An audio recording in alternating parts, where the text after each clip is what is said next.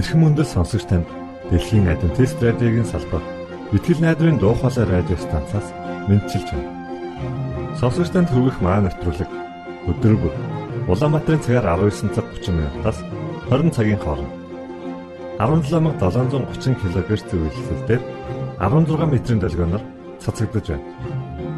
Энэхүү нэвтрүүлгээр танд энэ дэлхий дээр хэрхэн аз жаргалтай амьдрах талаар зарчим болон мэдлэгийг танилцуулахдаа бид таатай байх болноо. Таныг амарч байх үед аль эсвэл ажиллаа хийж байх зур би тантай хамт байх болноо.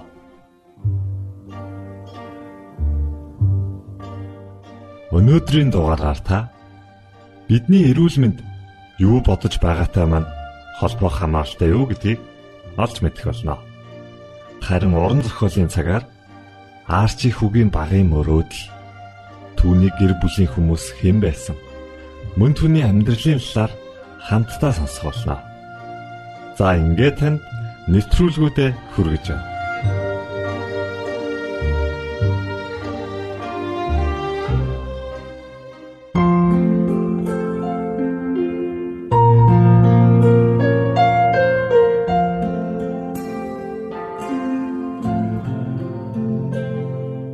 Эрхэм баян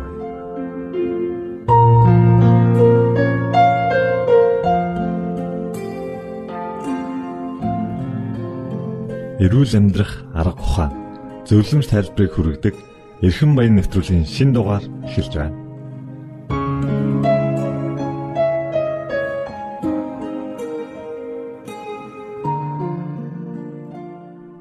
Сайн байцгаана уу сонсогчдоо. Эрхэм баян нэвтрүүлгийн шин дугаараар уулзаж байгаадаа баяртай байна. Бид энэ хорвоо дээр нүцгэн ирсэн нүцгэн буцнаа гэсэн үг байдаг. Тэгэхээр бидэнд өмчилж болох ганц зүйл байдгаа гэх юм бол энэ яахын аргагүй бидний бие махбод юм аа. Бурхнаас заяасан эрдэнэт энэ бие ямар бүтэц тогтолцоотой байдаг. Мөн яавал урт удаан аз жаргалтай энэ дэлхий дээр амьдрах нууцуудыг эрхэм баян нэвтрүүлгээс та олж мэдэх болно. Ингээд танд Монголын адвентист чуулганы эрүүл мэндийн хэлтсийн захирал болох энх баяртай хийсэн ажиллахыг хүргэж байна. За, эрүүл мэнд гэдэг бол маш эрхэм чухал зүйл гэж хүн мэддэг. Аа, эрүүл байх ёстой. Эрүүл байх бол үнэхээр аж аргалтай, сайхан зүйл гэдгийг бүгд ойлгодог. Гэтэл яагаад өнөөдөр бүхэн эрүүл байдаггүй юм бэ? Ямар нэгэн асуудал заавал бидэнд гарч ирдэг. Тэгэхээр хүн өөрийгөө хамгаалах, бас өөрийгөө халамжлах, асрах тал дээр дандаа дутагдaltaй явдаг болж тарах гэдэг аваад. Жишээлбэл бид нэг шинэ машин авъя гэж бодъё л да. Одоо чи нэг шинэ машинтай боллоо. Ямар их арчиж тоодох вэ? Дотор нь хийх ёстой шингэн өөрөөр хэлбэл бензин, хөдөлгүүрийн тос, за тэгээ бусад шаардлагатай торомсны шингэн бүх зүйлийг нь цаг хугацаанд нь ямар ч байсан солино. А зориулалтын зүйлийг нь өгнө. Өөрөөр хэлбэл дизель хөдөлгөөрөөр ажилтдаг бол юуг нь өхөө? Дизель хөдөлгөөр. Бензинээр бол бензин ноцоостой бол бензиний өгнө. Гэтэл хүн анх бүтээхдээ ив эрүүл төгс тэр бүх хэл бурхны хэлсэнчлэн дуулал намын 139 дугаар бүлгийн 14 дугаар эшлэл дээр бурхан бидний яаж бүтээсэн гэдэг лээ. Бурхан намайг аимшигтай бөгөөд гайхамшигтайгаар бүтээсэн гэж хэлдэг. Тэр энэ хоёр үгэнд маш их учир байна. Бид өөрсдөө таньж мэдэхгүй байгаа зүйл маш их байгаа. Тийм учраас бид айж байна гайхамшигтай гэдэг нь бидний таньж мэдсэн тэр зүйлийг хараад эргэтэн системийн тогтолцоо маань ямар гайхамшигтай юм бэ гэдгийг ойлгож мэддэг. За ингээд хүн алсын цанд гарах боллоо гэхэд мэдээж нөгөө гоё авсан шинэ машинтайгаа явна да тий. Машинда бүхий л шаардлагатай зүйлийг дүүргэж аваад хангалттай хэмжээнд таслах материал одоо юу гэдгийг шаардлагатай бүх зүйлээр хангаад дээрэс нь өөртөө хэрэгцээтэй зүйлээ ачаад аваад гарна да тий. Яг үнтэй адилхан хүн өглөө босоод алсын зад гарч байгаа гэж бодоод өөртөө хэрэгцээтэй зүйлийг биедээ хийх шаардлагатай болно. Тэгэхээр хүн эрүүл байхад хідэн зүйл шалтгаантай. Нэгдүгээр биедээ юу хийх вэ? Өөрөөр амаараа юу хийх вэ? Нөгөөх нь бие махбодороо ямар хөдөлгөөн, ямар дасгалч гэдэг юм уу те? Бие махбодороо юу хийх вэ? Гуравдугаар уурах тархинда, оюун санаанда ямар мэдээллийг өгч, ямар одоо юу гэдэг зөвлөгөөнүүдийг авах ёстой гэдэг өөрөөр хэлэх юм бол амаараа юу хийх вэ? Биеэрээ юу хийх вэ? Өөрөөр тархиндаа юу хийх вэ гэдэг гурван сонголт зайшгүй тулгардаг байна. Зарим хүмүүс байдаг ч ингээд өглөө ерөөсөө өглөөний хоол идэггүй би чаддгүй маа өглөө шууд тасч ирээд ингээд юм идэж чаддгүй ингээд Тэгэхээр машинд алсын зам гаргаж бол тэгэхээр бензин тусаа сайн их хэрэгтэй ойлгомжтой тийм. Зарим хүмүүс болохоор өглөөний хоол идэхгүй гараад байгаа юм л. Энэний талаар За машинаар ярихад одоо ойлгомжтой болсон байгаа шүү дээ. Бензинээ баг хийсэн машин хийж хоол явах бай. Бензиний хэмжээгээр л. Яг үнэ. Тэгэхээр өглөө хүн босоод яг тодорхой хугацаанд жишээлбэл 6-аас 8, за 6-аас 8 гэж 8 цаг унтсан гэдэг маань хотод өсвөлэн байсан. Тэгэхээр хоосон болчихж байгаа банк хоосон. За тодорхой хугацаагаар хоосон байсан тэр зүйлд шаардлагатай зүйлийг өгөх хэрэгтэй. Хамгийн түрүүнд бид нар мэдээж өглөөс ирээд ус уудаг ийм хөвшилт сурч хэрэгтэй. Өглөөс ирлээ ус ууж хоол боловсруулах замаа бэлтгэн. Хоол боловсруулах замаа бэлэн болсон тохиолдолд тодорхой одоо шингэн уснаас өөрөө ус ууснаас 30 минутын дараа өглөөнийхөө цайгаа идэхээр тохируулж шингэн уух нь шүү дээ. Ингээд өглөөний цайн дээр айлгах хөнгөн хэрнээ өдрийн турш сатглан метр мэдрэмжийг үлдээх хүнс сонгох зөв гэж үздэг. Үүнд авьяас шаргуудаа, гурвалжин будааны каш гэх мэтчлэн өөр хүүхдийн каш ус байж болно. Тэгээд жимс, самар, за тэгээд талх байж болох жишээтэй. За би яад өндөг болон бусад зүйл хэлээгүй, орой халаасан хоол хэлээгүй гэхэд тэд нар тийм шаардлагатай бас зүйлүүд биш байх нэ. Тухайн хүүхнээс шалтгаална. Жишээлх юм бол юу идэх вэ гэдэг тухайн хувь хүнээс шалтгаална. Жишээлх юм бол бага насны хүүхдүүдэд нэг өөр хоол, эдэр насны хөвгүүд нэг өөр хооллоход охтууд нэг өөр. Өндөр наснууд нэг өөр хоол. Тэгэхээр тухайн хүнд одоо машинаар бид нэр эхлээд жишээлсэн учраас өргөжлүүлээ л та. Ямар маркийн машин хөдөлгөөний хүчин чадал нь хэрвээ гэдгийг шалтгаалж хэрэгцээтэй зүйлийг хангах нь шүү дээ тийм ээ. Бас зарим нь өөр тос шаардлагатай байдаг. Өөр бензин түл шаардлагатай байдаг гэдэгчлэн хүн хүн өөр өөр гэсэн хоол боловсруулах шатаах процесснаас харилцан адилгүй байдаг учраас зарим хүнд өглөөд идж байгаа хоол хүнд байхаар хоолой шингээхэд бас хүндрэлтэй. А зарим хүн хоол боловсруулахгүй метаболизм сайтай хүмүүс байх юм бол эзэн хоол хурдан шатчихдаг учраас яах нь бас амархан өсөх жишээтэй. Тэгэхээр өглөөд идж байгаа хоолыг хүн нүдэрээ хараад сэтгэлээрээ чадахгүй байх тохиол байдаг учраас бас сэтгэл чадах хэмжээгээр идэж байгаа зүйл бас дэлгэж тавьж идэх юм бол бас их юм идсэн сэтгэл төрхнө шүү дээ. Өөрөөр тархиа баарч гсэн хоорхон юм. Тэгэхээр өглөөдөө хангалттай чанартай сайн хоол идэх гэдэг маань тухайн хүний өдрөө хэр эрчвчтэй эхлүүлэх вэ гэдгийг тодорхойлдог гэж л ойлгох боломжтой. За та өмнө хэлжсэн гурван зүйл ярина гэх тээ. Эхнийх нь болохоор амар орж байгаа хоол хүнс. Дараагийнх нь болохоор тэр бие махбодоо яаж хэрхэн ашиглаж байна те хөдөлгөөн гуравт нь болохоор тарих оюун ухаан гэсэн баг те хүлээж авч байгаа юу гэд. Би тэгэхээр энэ гурав дахь зүйлийг бас сонирхоод байна л да. Одоо бидний оюун бодол тарихтай юу сонсч байгаа маань бас яаж бидний эрүүл мэндэд нөлөөлж байна вэ? За хүний тарих гэдэг сонирхолтой эрхтэн байдаг. Өөрөөр хэлбэл тарих гэдэг эрхтэн маань бидний биед байдаг бусад эрхтнүүдээс хамгийн их амиа бодсон эрхтэн гэж ойлгоё. Өөрөөр хэлбэл би ингэмээр байна, би үнийг хүсмээр байна, би ийм гоё баймаар байна, би сэтгэл дүүрэн баймаар байна, би сайхан баймаар байна гэж боддог хэрэгтэй.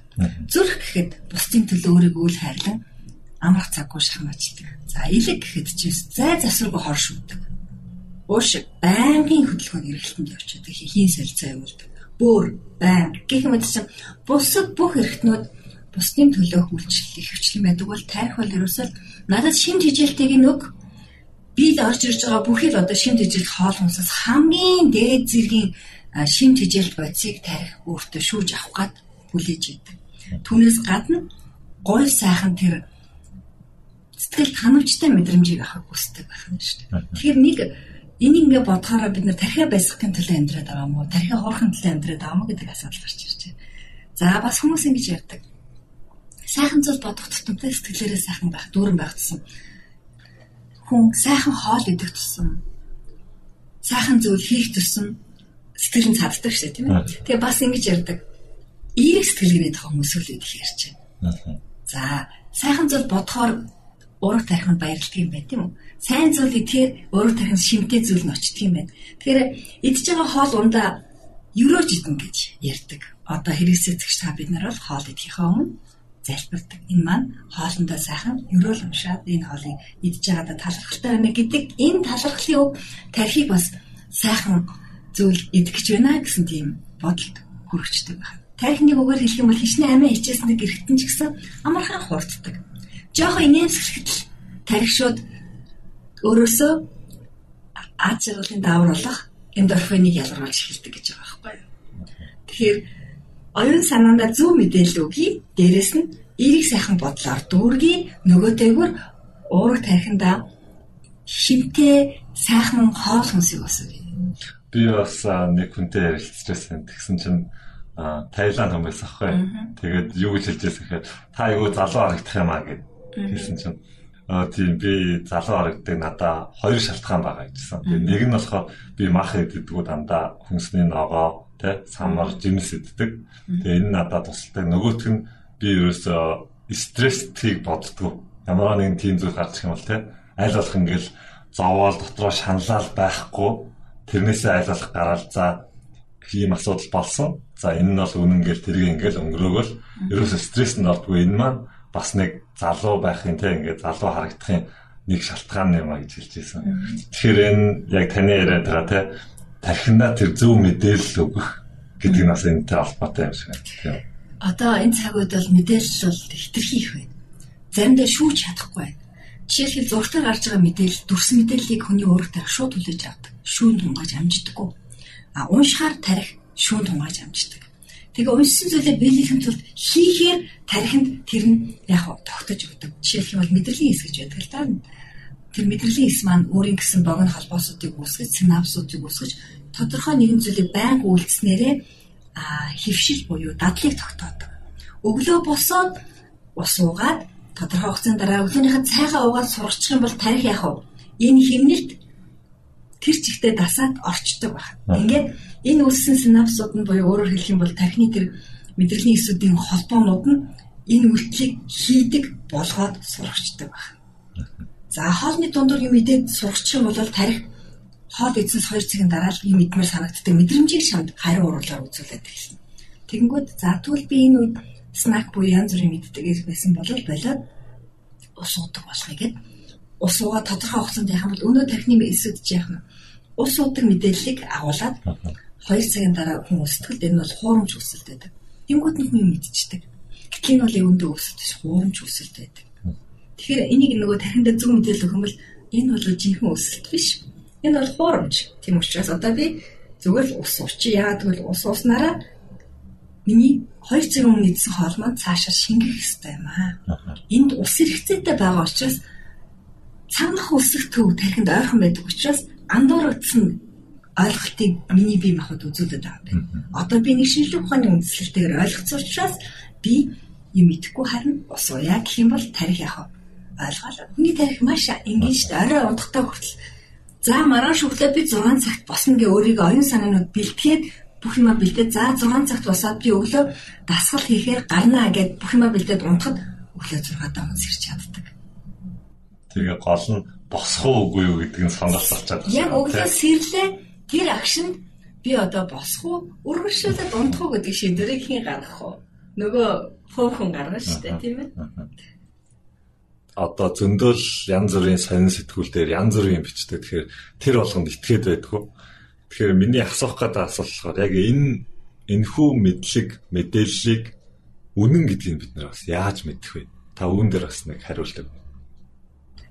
Миний хувьд бол би 7 дахь өдрийн адвентистийн гишүүн учраас 7 дахь өдрийн адвентистийн эрүүл мэндийн мэдээнд итгэдэг. Манай 7 дахь өдрийн адвентистийн эрүүл мэндийн мэдээ маань Библиэлд суурилсан Элен Вайтийн бичээсүүд дээр үндэслэсэн шинжлэх ухааны болон судалгаа шинжилгээний ажлуудын туршилтын үр дүнгуудыг тулгуурлан гэж ойлгочтой авсан. Өөрөөр тулгын гурван чулуу шиг ядаа бэрч. Нэгдүгээр Библиэд гэмээр хоёрдугаар Элен Вайтийн бичсэн бичээсүүд байна. Яагаад бол Элен Вайтыг манай сүмийн зүүн чимэгтээ түүний бидэнд үлдээсэн бичээсүүд маань ариун сүнсээр хөлөглөгдөж ирсэн учраас бид нэр үндэслэлтэй гэж үтгэж хүлээн авч зөвшөөрдөг.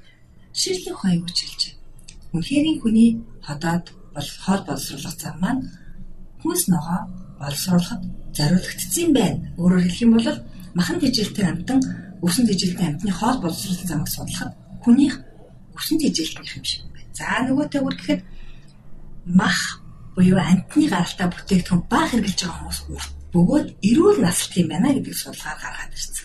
Тийм учраас бид энэ гурван зүйл дээр адвентист эрүүл мэндийн мэдээ үндэслэлтэй юм байна гэж үзэж байна. Өөрөөр хэлэх юм бол одоо тулхан гурван чулууга тавья. Библи буюу судар, Бурхны эсвэг, Элен Вайтийн бичээсүүд хажууд нь орчин үеийн өдрөөс өдөрт жилээс жилд бараг цаг минут тутам шинжлэгдэж байгаа анагаахын шинжлэх ухааны болон эрүүл мэндийн шинжлэх ухааны болон бусад шинжлэх ухааны туршил, судалгаа, онлайн үндэслэл. За тэгээд дээр нь тогоотой ус тавья л да. Тэндээс буслаад гарч байгаа ууршиж байгаа мэдээ маань юу? Манай адвентист эрүүл мэндийн мэдээ. Тэр хүн хүн төвөн хүрэх ёстой юм а гэсэн ийм зөвлөлийг бид өргөж бодож байгаа тийм. За баярлалаа танд. Та бүхэн сая сонссон бахаа Эрхэн баян радио нэвтрүүлгийн мэдлэг мэдээлэл онлоод нь адвентист эрүүл мэндээс гаралтай юм байна. Та бүхэн бас зөв зүйл ярьж байгаа нь итгэж болох уу үгүй юу гэж бас эргэлзэх хэрэггүй. Энэ бол шинжлэх ухаанаар батлагдсан ийм эрүүл мэндийн систем бүхий мэдлэг мэдээллүүд байгаа юм аа. Бид дараагийн нэвтрүүлгээрээ танд эрүүл амьдралын 8 зарчим болох шинэ гараа хөтөлбөрийг танилцуулах болно. Дараагийн нэвтрүүлэг хүртэл түр баяртай.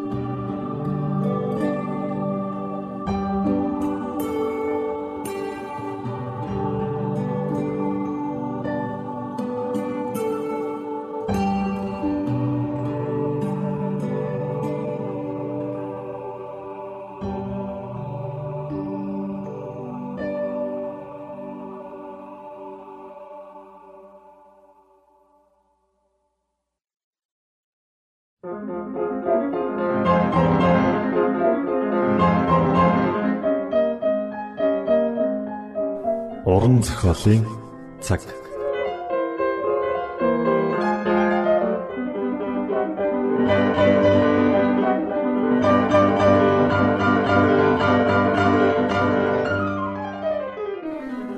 Уран зохиолын цаг нэвтрүүлгийн шин дугаараар уулзж байгаадаа баяртай.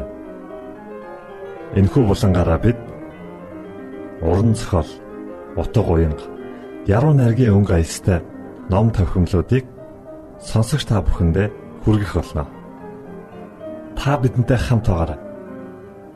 Энэ удаагийн дугаараар эцгийн гашуун бэлэг хэмээх арчи хүүгийн тухай гарах номыг сонирдуулах гэж байна. Хөгжмөд артн соно.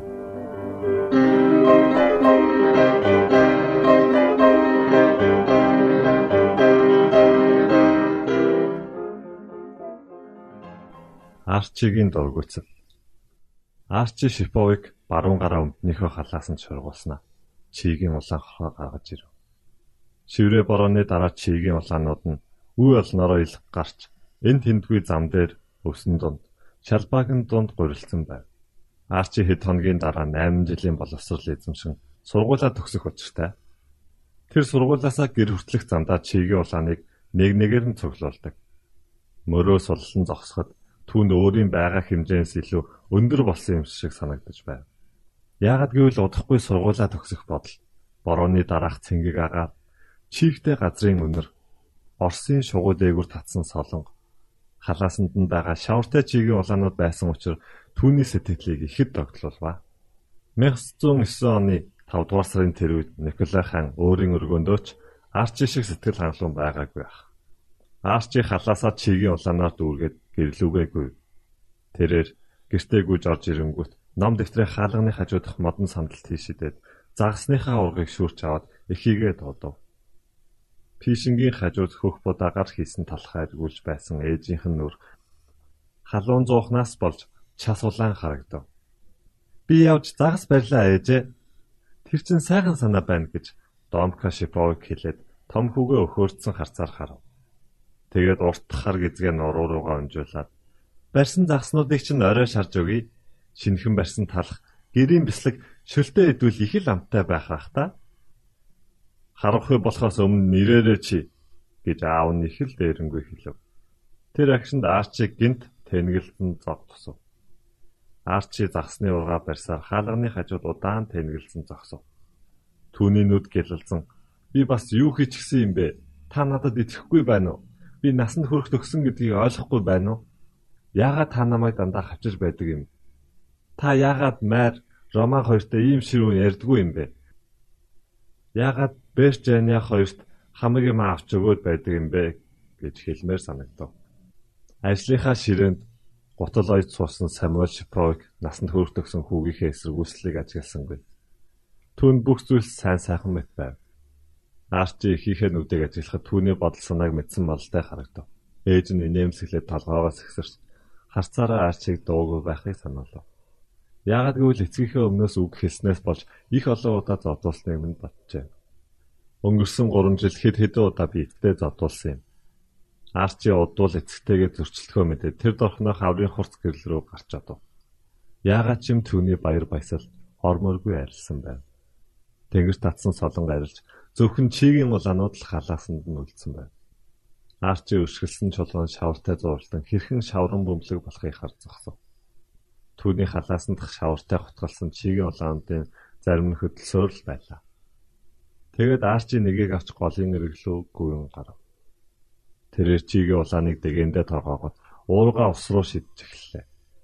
Тэгээд голын эрэг дээрх дарх модон дээр гарч суугаад хэсэг зуур харан адснаа. Намайг гэрүүлдээ хоол залгуулах гэж ингэж яваг аав ойлгоод баярлна гэж чи бодож байна уу? гэж аарчи загсны ургандаа хэлв. Урга нь хавихлж чадах эсэх нь түүнд хамаагүй байлаа.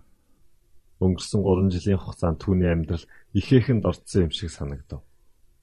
Эцэг нь түүнийг ойлгохоо болсон учраас би өөрийн хийх ёстой бүгдийг хийнэ гэд аарчи уугаараа бүдүүн тайрцыг цохиж авлаа. Би хашаа цэцэрлэгээ цэвэр цэмцгэр байлгадаг. Би гэрийнхэндээ загас авчирч өгдөг. Би хон харуулж мөнгө нэмэрлэж байсан. Би сургуульдаа их чармайдаг. Юу болохгүй байгааг би ойлгохгүй байна. Чи юу ойлгохгүй байгаа юм бэ? Арчи цочин ухсгийхтэй ардан зогсож байгаа 9 настай дүүгээ харав. Роман чи гэртээ очиж өөрийн хийх ажлыг хий гэж загналаа. Үгүй. Чамайг наашир гэж хинч гуугаагүй байх шүү. Чи юу идээд байгаа юм бэ? Чи яг хөгшин баага шиг зангаагаад байх юм. Чи үүнийг ойлгохгүй. Чи дэндүү балчир байна. Чи аавд ууралсан биз дээ. Тэгээд яагаад өөр юу их сони юм шиг байна. Чи мэдээтэй байхгүй бол чи дахиад алганы амт хүртэн шүү. Тэр бол миний хэрэг. Аав ахаад л арх уугаад ээж чамайг дахиад аавын уурыг хүргэчихвээ гэж байна. Аав арх баг удагч болоосаа. Яагаад тэр их удаг юм бэ? Модны тарсан дээр арчи дүүдээ зай тавьж өгөөд цуугаач гэв. Тэд урдуур нь урсаж буй хөрөнцөн голыг хэсэг зур ширтэн суув. Бодлгүй арчи. Гайлын хүмүүс аавын хийсэн гутлыг авах гэж ирэхдээ аавтай хамт архи удаг юм гэд яриагаа таслав. Тэрээр дүүгээсээ хариу өгсөн дуугасав. Найзуудаа архиар дайлах нь өөрийг нь их үн хүргэдэг байлгүй. Магадгүй архиар дайлахаар найз нар нь дахин ирж гутлыг нь авдаг байх. Харин хамгийн их зүй зүйл нь бүхэл бүтэн тосгоныхонд архи авч өгөх мөнгө бидэнд байхгүй. Чамд болон майрт хувц авч өгөх хэрэгтэй. Ээж хэдэн жил өөртөө даашин заваагүй. Бид дээврээ шинжлэх хэрэгтэй. Байшингаа цагаанаар бодох хэрэгтэй. Бид юу хийж чадахгүй. Яагаад гэвэл аав олсон бараг бүх мөнгөө архин зориулдаг аав арх уугаагүй үедээ их сүрхий байдаг гэж Роман сануулав. Тийм ээ би мэднэ. Аавын арх уухад би дургүй байдаг болохоор аав надад их дургүй байдаг. Би том болоод л авал аав шиг хүн болохгүй. Би хизээч архиуж мөрөөдөө тоглоом тоглохгүй. Би хүүхдүүдэд жаргалтай байлгана. Би ч гэсэн гэж Роман зөвшөөрөв. За явъя гэд Арчи уурга уснаас татаж аваад өнөөдөр загас баригдах шинжгүй байна. Тэгээд ч оройн хоолны цаг болчихлоо. Гэр хүртэл хоёулаа уралдъя. Би чамайг гүйцэндэ. Тэр хоёр инээлцээр шавранд халтарсаар голын уруу эргийг даган тэгш газрууд гарч ирмэгц гэрлүүгээ уралдан гүйлтцгэн. Тэдний тосгоныг Подольск гэнэ. Энэ нь Румынтай хил залгаар орчих Орсын нутаг юм. Айлын шаврын тоосгоор барьсан байшингуудын цонх гэрэлтэж эхлэв. Сүрлэн дээртэй байшингаас дөнгөс сая барьсан талхны анхлын өнөр, шарсан сонгины өнөр, утааны муухай өнөртэй холилдон үнэртэж байлаа. Роман би төрүүллээ гэд хаалгаа түлхэн оос гутлаа хөлөөрөө өшиглэн тайлаа дотгош оров. Арчи уурга их л өөрөмсгөр хаалганы харлаа тавиад уртаар санаалдав. Яг л ямар уур амьсгал хүлээн авахыг мэдсэн гэлтэй. Тэгээд аль болохоор ямар нэгэн чимээ гарахгүй байхыг хичээж орж ирлээ. Хаалганы хажуудах өдрийн шидсэн номнуудынхаа дэрэгдэх санал дээр очисов. Тэгээд гутлаа тайлахаар шидэв. Түүний ирснийг аав нь мэдээгүй байх гэж найдаж байлаа. Шиповг Москвагийн өөрчлөлийн тухай гайлын хүмүүстэй их чангаар ярилцсан. Энэ нь Арчи загнуулгүй ширээндээ суух боломж олгов. Арчи гэж аавынх нь дуу хадав. Чи оройтсан байна. Чамаа битгий харанхуй бол яваарай гэж би хэлээгүй лөө. Тийм ээ гэж Арчи аав руугаа айсан маягаар харав. Аав нь ганцаараа байсан бол үүнээс илүү зүйл хэлэх байсан баг. Харин дөнгөж дууссан хөрөө өнгөтэй ширэн гутлынхаа хажуу талд шил арх тавьчихсан хажуу тосхны Димитри гихч гайлын ажилтнтай сууж байсан тул нэг их юм хэлсэнгүй. Та уран зохиолын цаг навтруулгийг бүлээн авч сонслоо. Дараагийн дугаараар уулзтлаа. Түр баярлалаа.